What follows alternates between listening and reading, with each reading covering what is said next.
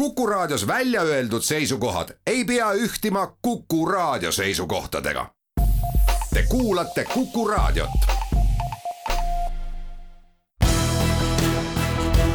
olukorrast ajakirjanduses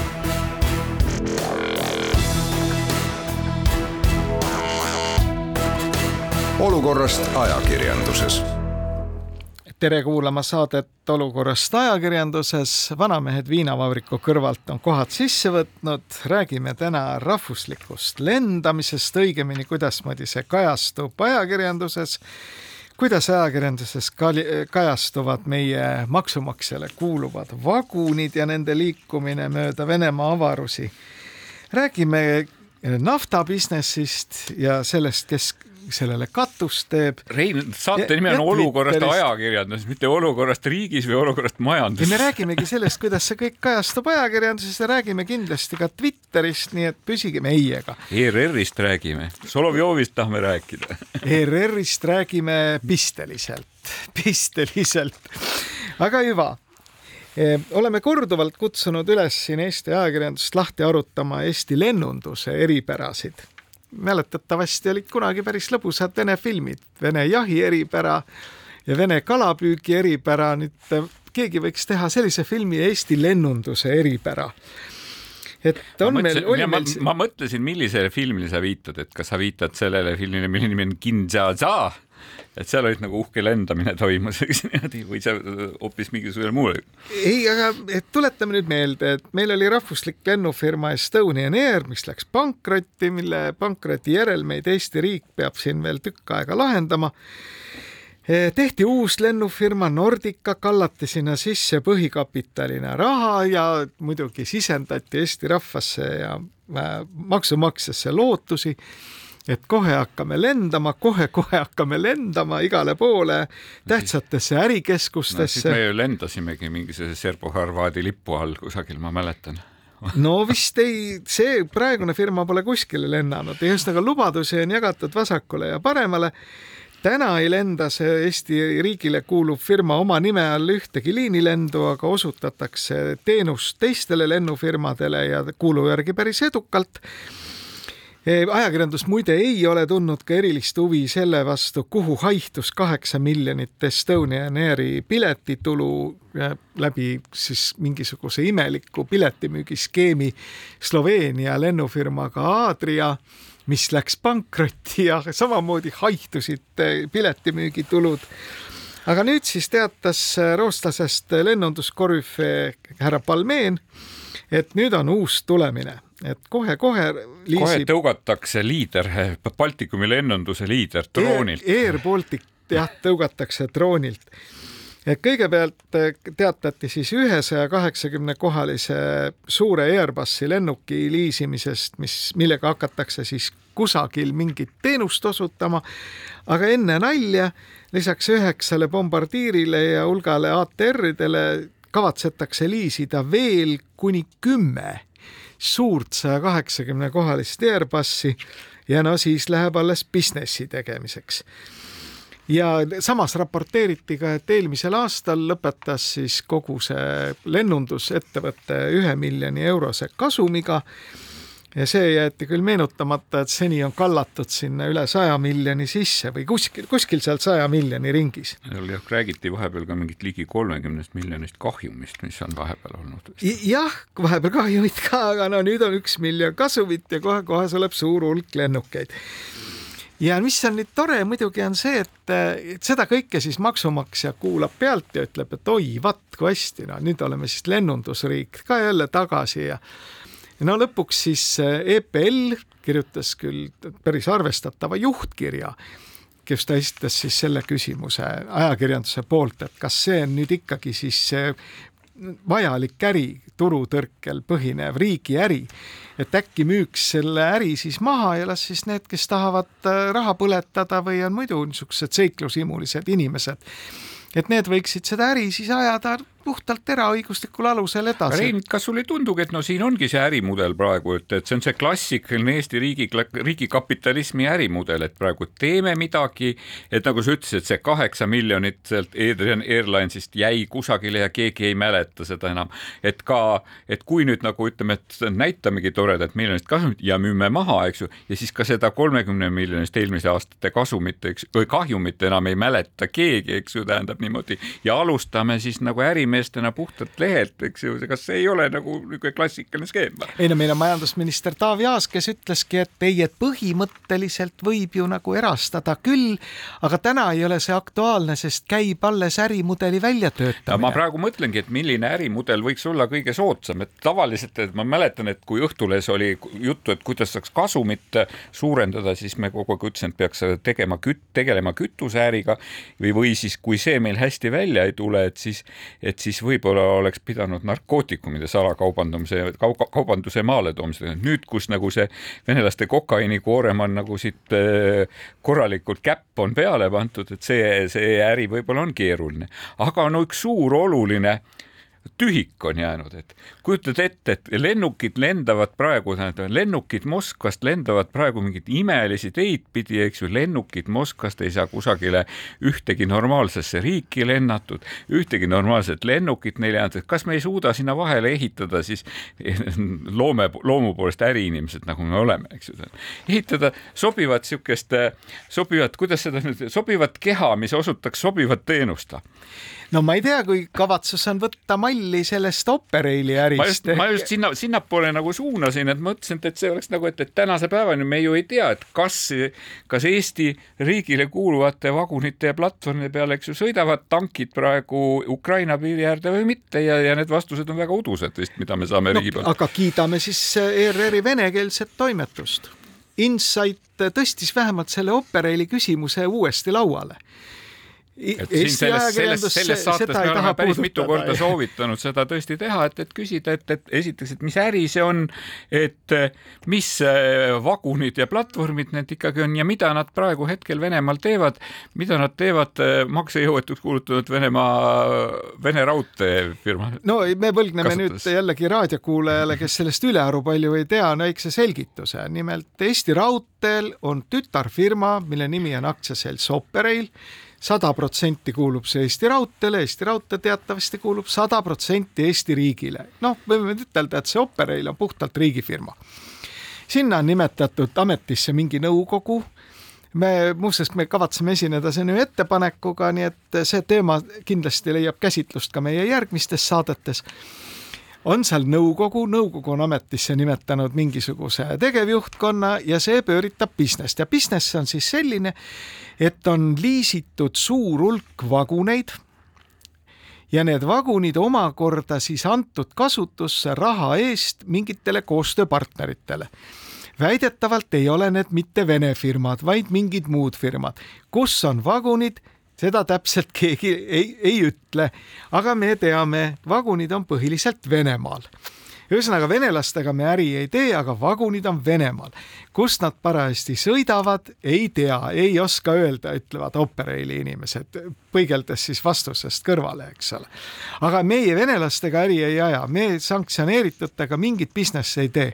aga vagunid ja no võib-olla on Venemaal, aga meie täpselt ei tea, pole nagu meie asi aga see, see, keerutamist oli. aga no riskid on ju kolossaalsed, eks ole, sellepärast et kui juhul oletame nüüd, et asi läheb venelastel ikka täiesti hapuks ja nad kuulutavad välja üldmobilisatsiooni ja mobiliseerivad tegelikult kogu oma ressursi, mis üldse neil riigis on, siis võitluseks Ukraina fašistide ja natsionalistide ja ma ei tea veel kellega, siis muidugi no ei ole nüüd nendest vagunite natsionaliseerimisest mingit pääsu ja siis tuleb, eks ole, need liisingufirmad, need, kes on rahastanud kogu seda tehingut ja esitavad Eesti maksumaksjale arve. nüüd, kui suur see arve on, seda me ka täpselt ei tea. nüüd meie üleskutse oleks järgmine et Eesti ajakirjanikud, kes natukenegi viitsivad tegelikult vaadata, mis nende riigi varadega tehakse, maksumaksja varadega, et äkki siis võtaks ette selle Operaili kodulehekülje, väga ilus lehekülg muide seal on ilusti kirjas, kes on nõukogu liikmed. nõukogu liikmed on väga tähelepanuväärsed Eesti äritegelased. Nendele võiks nüüd helistada ja küsida äkki te nüüd seletate, mis business see Operaili business täpselt on, kus need vagunid täna asuvad mismoodi nende pealt teenitakse, mis on riskid, millised on garantiid, mis on siis Eesti riigi poolt välja antud selle äri tagatiseks. Reinka, sa oled pisut sinisilmne, minu meelest selles samas, selle, selles samas Inside'i loos oli kirjas, kuidas isegi, isegi sellesama et ettevõtte nõukogu esimees, ärimees Neeme Jõgi, et ta ütles, et temagi sai paljudest asjadest teada. Firma pressiteate kaup kaudu, eks ju.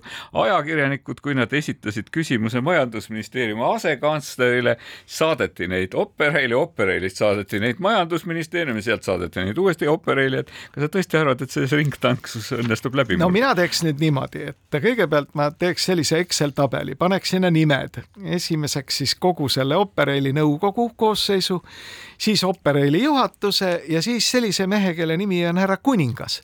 see on MKM-i transpordi asekantsler ja küsiks täiesti nagu ajakirjandusel on kombeks küsida ametlikult, et kuulge, seletage nüüd täpselt ära, eks ole, mis business see niisugune on.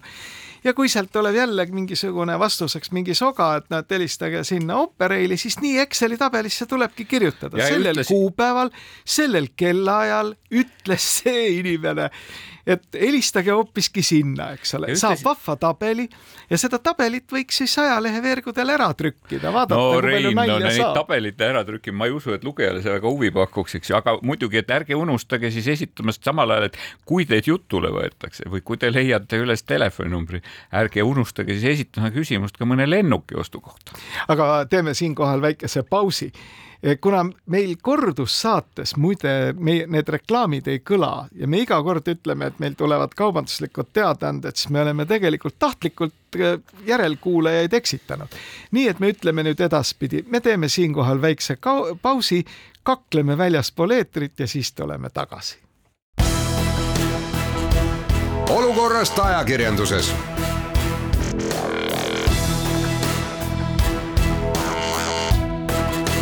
olukorrast ajakirjanduses.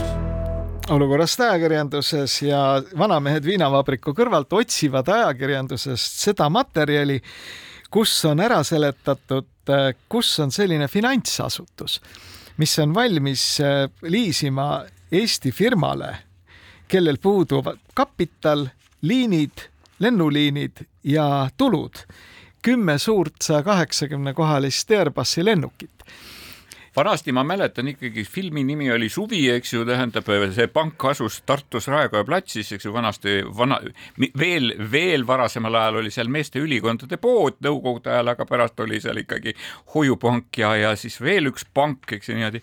ja seal oli eh, härrasmees, kes ütles, et teile ei anta laenu Teil pole käendajat ja te ise olete meile tundmatu isik. no siia ongi koer maetud, et ega niisuguse firma kindlasti leiab, juhul kui leidub mõni Eesti riigiametnik, kes riigi nimel on õigustatud sinna käenduse alla kirjutama. ehk siis, et äh, riik tagab niisuguse geniaalse tehingu taas jälle, nii et maksumaksja hoia piip ja prillid. aga muuseas. sa tahtsid, sa tahtsid ju... anda välja maksumaksja preemia või, või, või Eesti kõige mõjukama isiku preemia, ma mäletan. aga ega ei tea, võib-olla ongi mingid muud sellised finantseerimisasutused. eile ma näiteks sõitsin mööda sellisest asutusest nagu Kambja hoiulaenuühistu. väga vajalik finantsteenus ilmselt. aga pole midagi, nüüd mis on kogu selle meie aasimise mõte, et me tahaksime tegelikult, et Eesti ajakirjanikud ikkagi arutaksid nii selle lennunduse asja kui selle vagunite asja, mida kõike kureerib üks seesama riigiametnik, majandusministeeriumi asekantsler härra Kuningas, üksipulgi lahti. ja, ja ikkagi selles stiilis, et ke, kes kellele ja kui palju. et meid see nagu küll ei rahulda, et kui öeldakse lihtsalt, et oi, et meil on siin kõva business, eks ole, et vagunid ei ole üldse Venemaal õigemini mitte, et nad ei ole Venemaal, vaid nad ei ole Vene firmade käes, aga et kus nad täpselt on, seda me ei tea. Ja kuhu need lennukid hakkavad lendama, seda me ka nagu täpselt ei tea, aga igal juhul ühtegi liinilendu plaanis ette võtta ei ole. aga ega me täpselt ei tea ka, et ikkagi kuhu kaob Venemaa toornafta, ega me väga täpselt ei tea, et kelle tankerid need on, eks ju, kes meie sadamates, sadamate vahe, sadamate ja Venemaa vahel süstikreise teevad ja mis nende tankerite mahutites kirjas on no,. Pea... seda vist peaks ka keegi teadma selles samas ministeeriumis. aga me hakkasime seda juba natuke teada saama ja nüüd tekibki huvitav olukord. et Eesti Päevalehe uuriv toimetus eesotsas Holger Roonemaaga siis üllitas reedeses laupäeva lehes üsna sellise korraliku ajakirjandusliku pommi uuriv toimetus tegi loo sellest, kuidas Ukraina sõja ajal on intensiivistunud Vene nafta pumpamine Eesti sadamate kaudu. ilusti graafikud ja numbrid juures. mis oli minu jaoks, oli muidugi täiesti ootamatu, et sama päeva Rahvusringhäälingu Terevisioon oli kutsunud siis äh, tähtsa ringhäälingu ülemuse Liisu Lassi isikus MKM-i ametniku nagu aru andma, et mis selle loo tagamaa on. ja ametnik tuli ja lükkas loomulikult kõik ümber. et midagi niisugust pole, et tegelikult naftasaaduste vedu läbi Eesti sadamate hoopis tükist äh, kahaneb ei maksa üldse ärrituda sellise teema üle, ühesõnaga ütles, et sisuliselt ütles, et see ajakirjanduslik materjal on pullis ja samune see Nüüd... oli selles mõttes päris huvitav, sest et igal pool on ju sellest ka räägitud, sellest isegi ka Vene ajakirjandus räägib, Vene ajakirjandus räägib sellest, et huvitav, huvitav, et kõik räägivad, eks ju, naftatoodete eh, saabuvast boikotist, eks ju, embargost, räägivad gaasiembargost, eks ju. samal ajal meie müüginumbrid lähevad muudkui üles ja üles, ühtepidi võib seda, ühtepidi saab seda seletada sellega, et tõesti kõik püüavad oma nagu varusid suurendada. teisipidi jälle on näiteks kui ma jälgin Vene kanaleid, siis neil on väga suur üllatus või väga suur küsimärk on see, et, et, et kui, kui keskmiselt äh, Venemaa lääne sadamatest, eks ju, ööpäevas läheb teele kolm miljonit barrelit Eh, nafta, naftatooteid, et siis viimastel nädalal, et kui siiamaani on olnud selge ülevaade, et kuhu need lähevad, et kas nad lähevad Lääne-Euroopasse, et seal just nagu paistab, paistab nagu viimastel nädalatel isegi trend ikkagi selgelt allapoole olevat, et kuhu nüüd saadetakse, aga nüüd on tekkinud graafikule üks uus üks uus osa või, või sihuke, kus on kirjutatud, et teadmata suunas ei ole teada, kuhu läheb. Mis tähendabki seda, et, et on leitud arvatavasti tore uks või pragu, mille läbi, eks ju, seda Venemaa naftat on võimalik kusagile merele toimetada, seda seal segada ma ei tea, pumbata laevalt laevale, teha kõigepealt Läti segu, siis Läti segust ma ei tea, mis võib-olla Hollandi segu ja iial ei tea, eks ju, ja nõnda see, nõnda see nafta jõuab tegelikult samamoodi maailmaturul. milline on meie osa selles osas ja vot minul sellest samast, sellest samast Eesti Päevalehe uurivast loost hakkas just silma see, et, et tegelikult seesama Majandus- ja Kommunikatsiooniministeeriumi positsioon, et ühtepidi, et meil ei ole nagu selget ülevaadet, meie andmete kohaselt, eks ju, tähendab, on, on naftavedu vähenenud, aga me ei tea, et äkki need on, et me näeme, et naftalaevadega ei veeta midagi, äkki need on sinepilaevad, eks ju, millega veetakse seda naftat, aga kui, kui meie, meie statistika järgi, kui sa sinepilaevaga vead naftat, et siis see on sinep, eks ju, ja mitte nafta, eks ju niimoodi. et, et ei ole selget ülevaadet, et, et, et, et kui kasutatakse mingit teist tüüpi laevu või me ei tea täpselt ka, mis nende laevade lastis täpselt on, et kui see ei ole toornafta, siis mis asi see on, et, et seal on nagu, see võib olla kõik, et see on statistiline segadus, millega ennast lohutatakse praegu. aga ikkagi, kes kellele ja kui palju võiks olla ajakirjandus see üks liikuma panev selline deviis, et need lennundusäri, praegu käimasolev naftaäri, no ei, see ei ole nüüd keeruline aru saada, et midagi toimub, võtke pikksilm ja minge Tallinna lahe äärde, vaadake, mitu tankerit pikksilma ette jääb et kuidasmoodi ikkagi see suhted käivad, vaata see on nagu majandusajakirjanikele täna tohutu võimalus hageda endale Bonnieri preemiat, eks.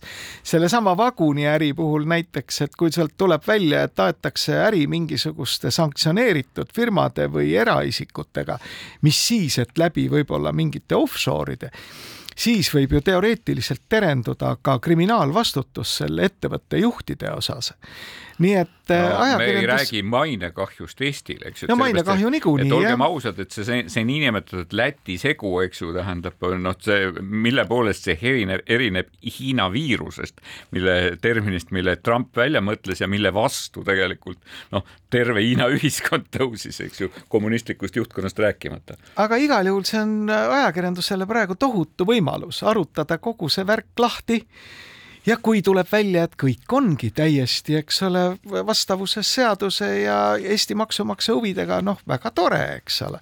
ainult et juba ainuüksi see hämamine, mis on va küsimustele vastuseks saadakse, nagu viitab sellele, et kuskil on midagi sassis. nii nagu on ka sassis nüüd eh, suhted eh, nende vahel, kes eh, peaksid hea seisma, et me saaksime selle LNG terminali tänane Eesti Päevaleht, arvamuslehekülg, lööme lahti. Vene gaasist loobudes pole LNG terminal sugugi ainuke lahendus. jälle astub lavale ja suurte, suurte mikrofonide ette riigifirma Elering juht Taavi Veskimägi, kes viimasel ajal on hüperaktiivne minu arvates avalikkusega suhtlemisel ja annab siin kõigile teada, et oodake, oodake, et ega meie küll ei kavatse nagu niisama kergelt kogu seda äri anda Alexelale ära. ja pealegi, mis need Alexela jorsid üldse tahavad, et nad tahavad mingit riigi garantiid veel saada, et me ei ole üldse kindlad, et me seda andma peaksime. ja et meil on ka teisi variante ei ole meil seda LNG terminali üldse võib-olla tarvis, eks tähendab, mul tuli meelde see stseen Vene filmist Koerasüda, kus professor Preobraženski ütles, et eh, kui kuulis, et alumisele korrale, korrusele on kolinud mingisugused uued elanikud ja need õhtuti laulavad koorilaule, siis ütles, et nii, et et nüüd lendas meie auruküte ka, eks ju, tänu sellele, et seda lugu lugedes eh, tekkis mul tunne, et vot lendas meie LNG terminali nagu ühtne projekt, et kas me nüüd hakkame sõdima tuulikutega, nii nagu siin üks riigifirma teisega on sõdinud mitu aastat juba. seesama Elering käis Elektrileviga Eesti Energia tütarfirmaga aastaid kohut. nüüd terendab siis kohtuasi, eks ole, Alexela ja Eleringi vahel. ja mina küll hakkaks, soovitan mõelda järgmised järgmist talve silmas pidada vatiopedele ja viltidele, eks auruküttele. ole. ja auruküttele ja puid osta ja mida iganes et see asi muidugi omandab täpselt samasuguse dimensiooni, nagu kirjeldas surematu Tšehhi kirjanik Jaroslav Hašek kui Austria-Ungari võidukad väed olid kuskil jaamas ja neile lubati, et iga mehe kohta antakse kohe välja kakssada grammi Emmentali juustu. aga vot siis tekkis, tuli kuskilt teade, et Itaalia on sõtta astunud ja suur kirjanik siis kirjutabki järgmise lause kahesaja grammi Emmentali juustu asemel oli neile sõda Itaaliaga kraesse sadanud. et alles me kuulsime valitsuselt seda, et LNG terminal tuleb, et meie energiajulgeolek saab olema kaitstud ja tänasest lehest me loeme, et tegelikult ütleb üks riigifirma pealik, et äh, Eesti valitsus võiks oma ideed ja oma asjad üldse kinga sisse panna, et no pikem veel, välja näha. no ma, ma ainukene lootus on see, et, et kuna see projekt ei ole nüüd nagu Eesti ainukene või ainult Eesti projekt, vaid et sellesse on ikkagi kaasatud ka Soome, Läti, ka Leedu on tegelikult ju näidanud üles huvi, eks ju, täiendavalt oma olemasolevale LNG terminali, ujuvterminalile ka, hakata kasutama selle teenuseid, et et äkki leidub selles keegi, kes paneks nagu äh, inimestele mõistuse pähe, aga no teisipidi terendab selles ka mingisuguse Rail Balticu nagu niisugune teki tõmbamise idee. ei kujuta ette jah, et kui see ütleme, et suured tegijad perekond Hääl on ju ka siin kahe viimase kahekümne nelja tunni jooksul ju öelnud, et ta ei kujuta ette, et läbirääkimisi peaks tegema pressiteadete vahendusel. et tõenäoliselt Martti ja Eiti lugesid täna hommikul ka seda äh, Taavi Veskimägi arvamusartiklit, et noh, mis läbirääkimisi sa siin pead, eks ole.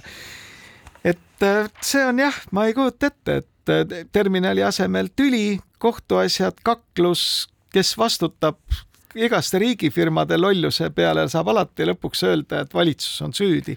väga eestilik. väga eestilik jah, tõeliselt eestilik. aga siinkohal siis teeme väikese pausi, kakleme väljaspool eetrit ja tuleme siis tagasi. olukorrast ajakirjanduses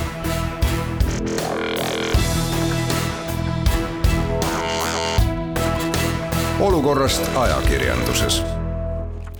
Väino Koorberg ja Rein Lang hakkavad rääkima sellest, ilma milleta nad ei saa ehk Eesti Rahvusringhäälingust. no läinud nädal oli ju selles mõttes tähelepanuväärne, et varesed olid vahepeal lendu tõusnud, aga maandusid samas järjekorras traatidele tagasi.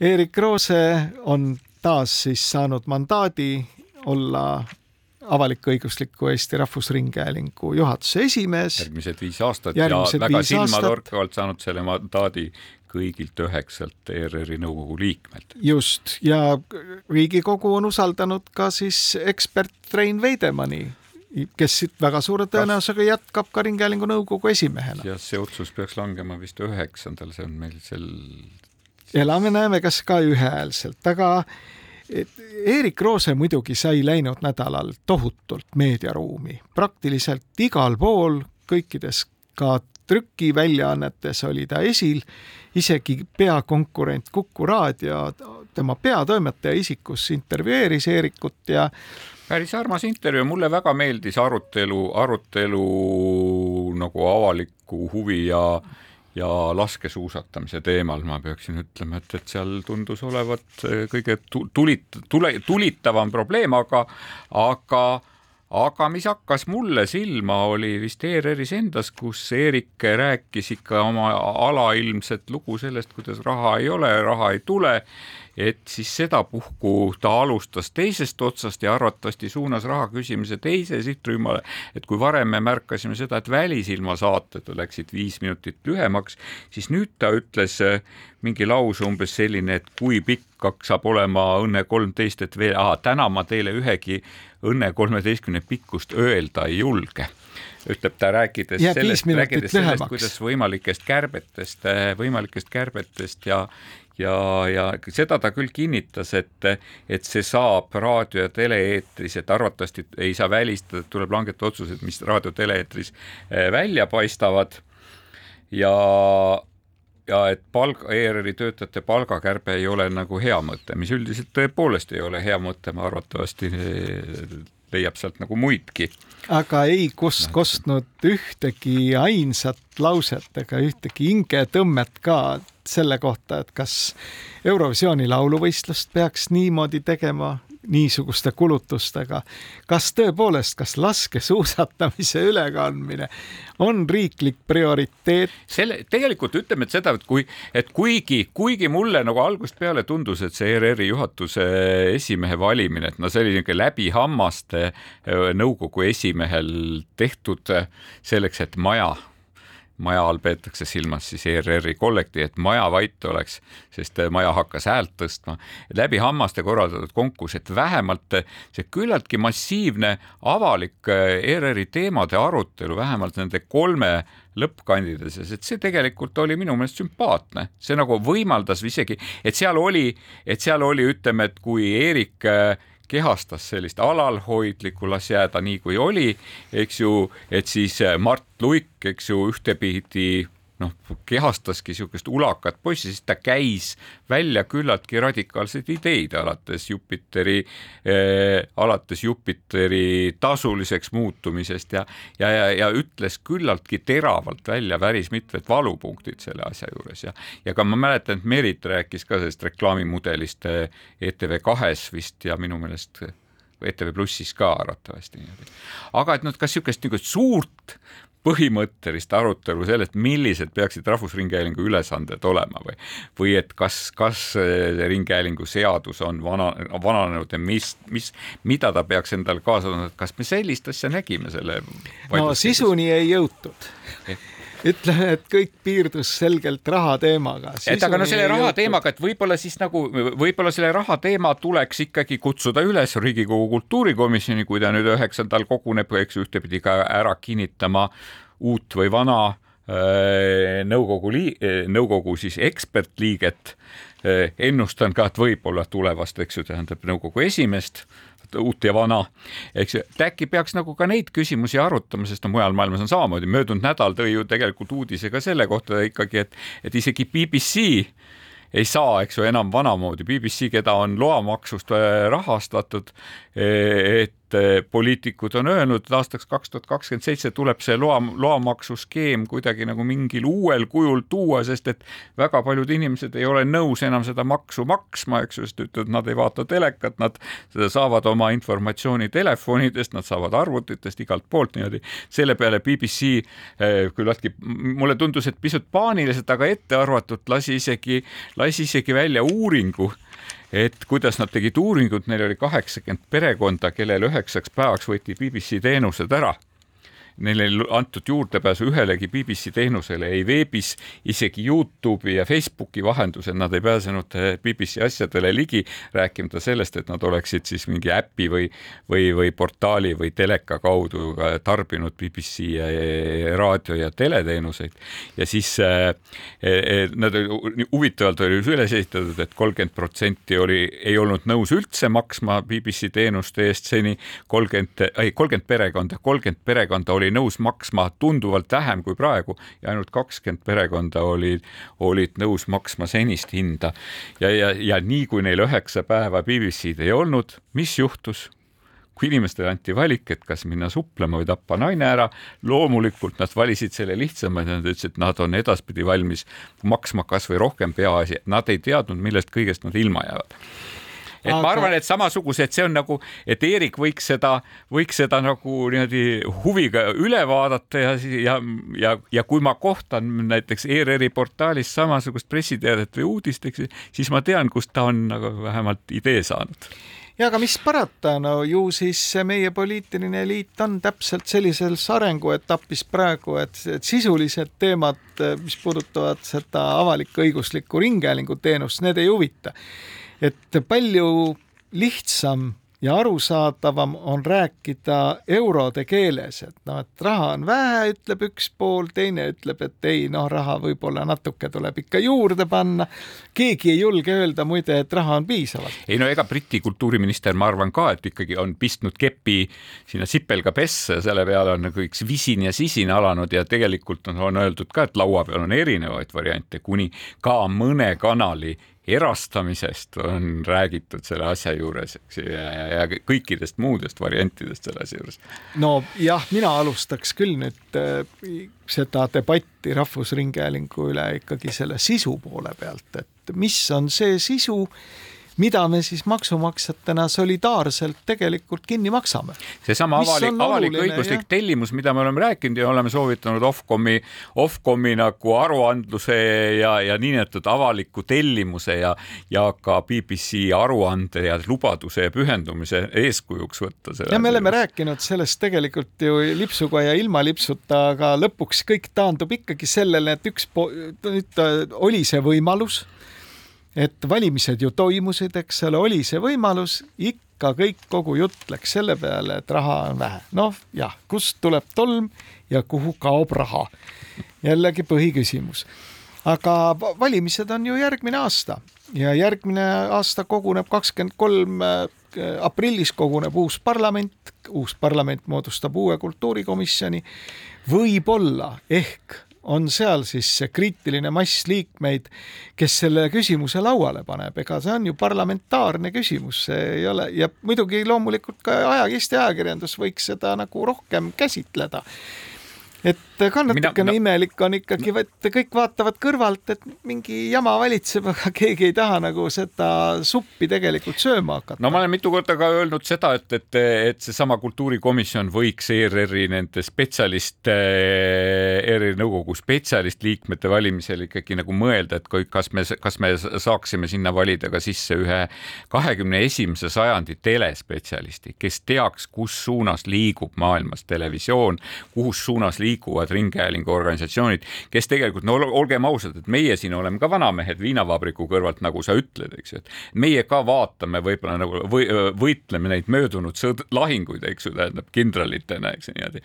aga kedagi, kes näitaks suunda, kuhu minna, et, et mul on tunne, et seda natukene on puudu no sa oled väga no, natukene, viisakas. ma olen nagu väga ikka... viisakas, jah, ma tahtsin öelda, et, et sai liiga viisakalt öeldud, mitte natukene puudu, vaid seda on palju puudu minu arust suurim probleem on see, et sõnad ja teod ei lähe lihtsalt kokku, et kui me räägime sellest äh, sõnades, et meil on vaja mingit platvormi, mis oleks kõikide erinevate inimeste ja nende gruppide ühendav lüli, eks ole, et, et ühel hetkel läheb meil seda ühendavat õli nagu vaja no,. siis sul ongi kella. siis me peaksime midagi tegema no, selle jaoks. kella üheksane Aktuaalne kaamera, kas see ei ole siis ühendav lüli? no seda ütles Rein Veidemann kunagi, et see on mingisugune selline rituaalne, rituaalne, kokku lendavad, eks ole, ühel toiming, hetkel. aga, aga no kas ka Aktuaalset Kaamerat on siin möödunud, möödunud nädalal tegelikult kritiseeritud.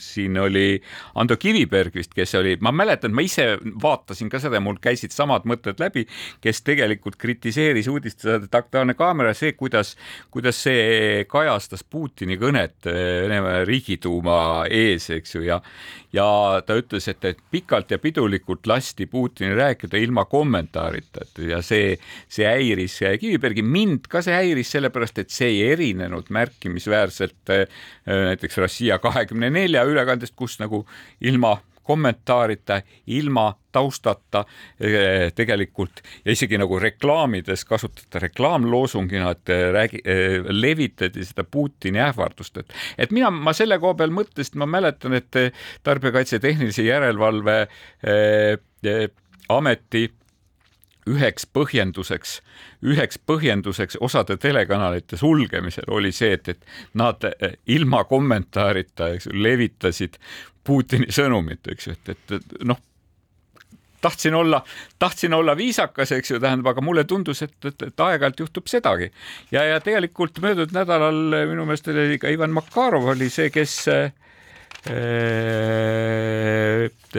pani tähele, et kui erinevalt ERR-i portaal kajastas kajastab äh, oma erinevatele vaatajagruppidele, äh, millist erinevat sõnumit saadab, et, et see oli tähelepanuväärne, et võib-olla sellel oli pisut pisut niisugune uute uudiste või Objektiivi maik juures, aga et kui ERR-i eestikeelses portaalis oli meil lugu sellest, kuidas politsei peab üheksandal mail provokatsioone tõenäoliseks ja seda illustreeriti meile pronkssõduri pildi ja kaadriga, siis Vene publikule oli sõnum, et politsei peab tõenäoliseks provokatsioone pronks, pronks, pronksiöö aastapäeval ja üheksanda mai puhul ja seda illustreeriti Oodini sõdurite pildiga, et, et täiesti erinev ka visuaalne keel erinevale publikule, et see hakkas mulle meenutama seda juttu, mida räägib Pealinn ja mida räägib Stolitsa jah, aga tõmbame selle koha peal otsad kokku, et ega siin eh, tõenäoliselt aasta jooksul kuni järgmise parlamendi kokkutulemiseni ei juhtu nüüd enam mitte midagi, kõik jätkub vanamoodi. meie saame siin jälle hambaid teritada ja tuua neid näiteid, kuidasmoodi Eesti Rahvusringhääling tegeleb ühe või teise firma huvides millegi turundamiseta. Alles hiljuti muide saime me teada, milliseid, millise firma tööriistu tuleb kevadistel aiatöödel kasutada jättes selle firma nimetuse nimetamata. aga siinkohal teeme väikse katkestuse ja siis räägime Twitterist.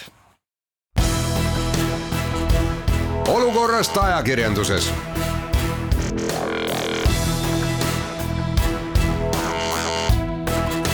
olukorrast ajakirjanduses vanamehed viinavabriku kõrvalt räägivad natukene Twitterist ka. üks minu, natuke minust veel eakam vanamees ütles kunagi geniaalse lause, et mul oli ka kunagi Twitter, aga see raviti välja nüüd sina, siis. sina Elon... tahad rääkida Twitterist, mina räägiks Telegramist, aga okei okay.. aga räägime kaks sõna Twitterist, et äh, oli muidugi väga hea, et Postimees pühendas äh, ainsa väljaandena trükimeedias nüüd seletada, et mis kamm selle Twitteri ümber käib et mis saab et mis, siis, kui Twitter omanikku vahetab? mis saab siis jah, kui Twitter vahetab omanikku ja just nimelt see sõnavabaduse aspekt, mis on Ameerikas ikka täna üsna tulise debati objektiks ja no, et ma, mina üritan seda nüüd hästi lihtsalt ära seletada, et äh, Ameerikas kehtib äh, konstitutsiooni esimene parandus, mis keelab kategooriliselt kongressil vastu võtta ükskõik mis seadust, mis piiraks äh, ajakirjandusvabadust.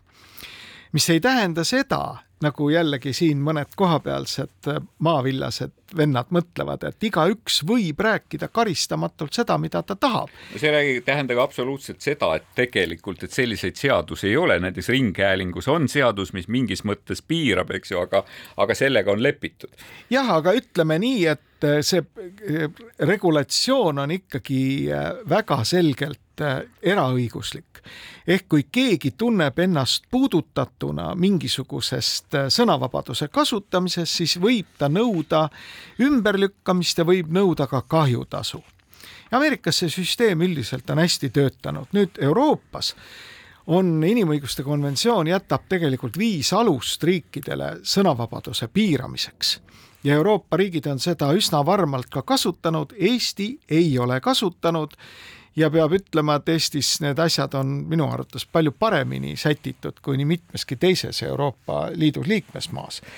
nüüd, mida tahab Elon Musk?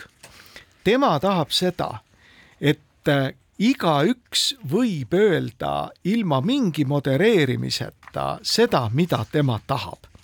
aga ta peab olema identifitseeritav. et äh, tweetijad nagu äh, heasoovija number kuuskümmend neli mille isik on küll täpselt Twitteri kui korporatsioonile teada, aga mis ei ole teada avalikkusele, avalikkusele, et see kaoks ära. Vaid igaüks võib sõimata, laimata, mida iganes, aga ta teab oma nime all, palun väga. ja see tähendab seda, et kes tunneb ennast puudutatuna, võib kohe kahjutasu nõudega esineda aga täna Twitter kuidas tegelikult... see, kuidas see ja mahub, eks ju, sellesse, et kuidas me siis selle Twitteri tõmbame lõhki selle Ameerika mudeli ja selle Euroopa no, võt, mudeli ja vahel, see, see on ongi nüüd see suur, suur teema, mis Ameerikas on üleval. lisame sinna juurde veel ka Vene mudeli, eks ju, kus kuulutame sellega vaenulikuks eh, välisagendid. noh, jätame Vene mudeli üldse kõrvale, aga jah, see Euroopa tähelepanu on ju sellel, et ja mida ka nüüd Euroopa Komisjon üritab läbi ajada on, et aina rohkem ja rohkem panna nendele väljaannetele, platvormidele vastutus selle sisu eest. ehk siis, et sa oled kohustatud ära tundma mingi vaenukõne ja, ja valeinformatsiooni ja siis vastavalt reageerima ma ei ole kindel, et see niisugune euroopalik mudel on parem kui ameerikalik mudel. jah, Ameerikas on hästi palju selliseid kohtuagisid ja no Ameerika ongi kohturiik. aga ometigi tuleb öelda, et see Ameerika ajakirjandusmudel on osutunud Euroopa omast toimivamaks. aga siin on nagu selles mõttes seda, et see ei ole ainult Twitteri probleem, see on tõesti Facebooki probleem, see on Google'i probleem, sest olgem ausad, Google maksab praegu Venemaal, Venemaa öö, peab vist nende kohalikelt raha, arvetelt kinni mingisuguseid megasummasid praegu kahju, just nagu trahve selle eest, et Google keeldub eemaldamast mingisuguseid artikleid, mis Vene tsensoritele ei meeldi. Eks ju, täpselt, täpselt samasugune probleem on seal olemas, et eks ju, me siiski on, meil on nagu veel kolmas kontseptsioon, meil on tsensuuri kontseptsioon veel juures. kui nüüd väga üldistavalt öelda, siis Elon Musk kategooriliselt on selle vastu, et tekiks mingisugune selline regulaator kes siis omakorda sunniks astuma neid väljaandeid mingisuguseid samme, et mingit sisu omal algatusel äh, eemaldada.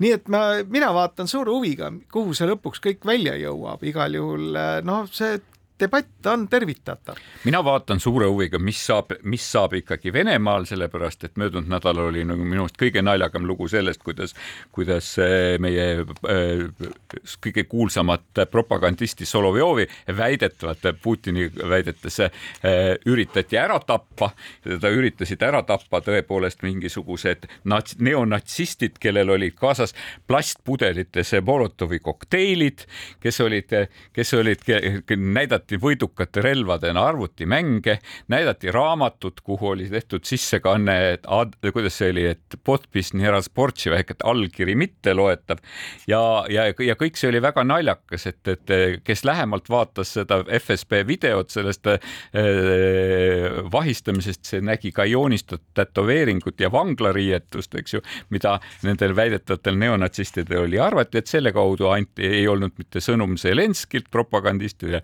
vaid Putin andis propagandistidele sõnumi, et kui te sõna ei kuula, siis teid võib tuua ohvrialtarile nii et äh, Solovjovil vedas. vedas, aga, aga, aga ma sain aru, et kõige FSB halvema lavastuse paljastas... Oscar on juba nagu selles mõttes äh, välja antud seal aga siinkohal tõmbame tänasele saatele jooned alla, jääme suure huviga vaatama, mis saab Twitterist, mis saab sellest, kas Eesti majandusajakirjanikud viitsivad lahti arutada kogu selle riikliku businessi, mis on jõudnud vagunite vuramiseni Venemaal ja suurte lennukite liisimiseni ja.... vaatame, mis saab Postimehe venekeelsest nädalalehest. see nüüd ilmub jah ja vaatame, kas on üldse meil mingit lootust, et järgmisel talvel ka soe oleks või lõpeb kõik Tallinna linnakohtus kolmeaastase protsessiga. mis lauluga me siis tervitame? tervitaks ikkagi Erik Rooset, keda me ikka tervitame, et äh, Erik, palju jõudu, edu, viis aastat jälle ees. me ikka toetame sind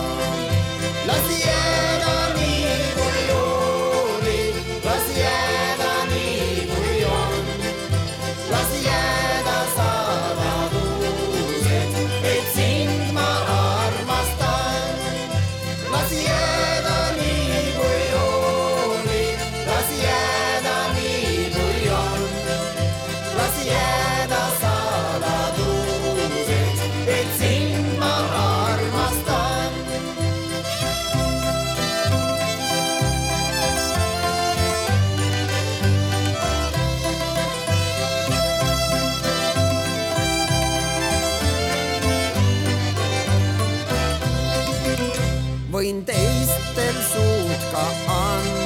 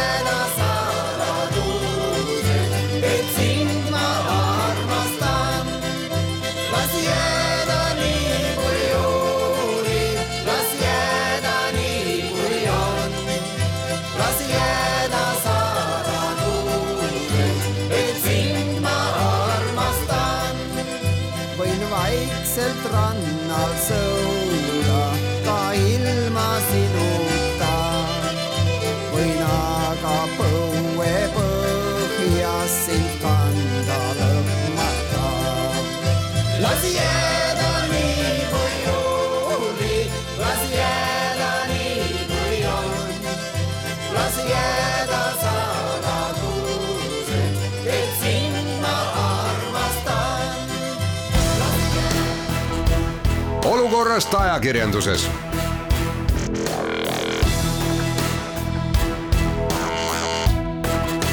olukorrast ajakirjanduses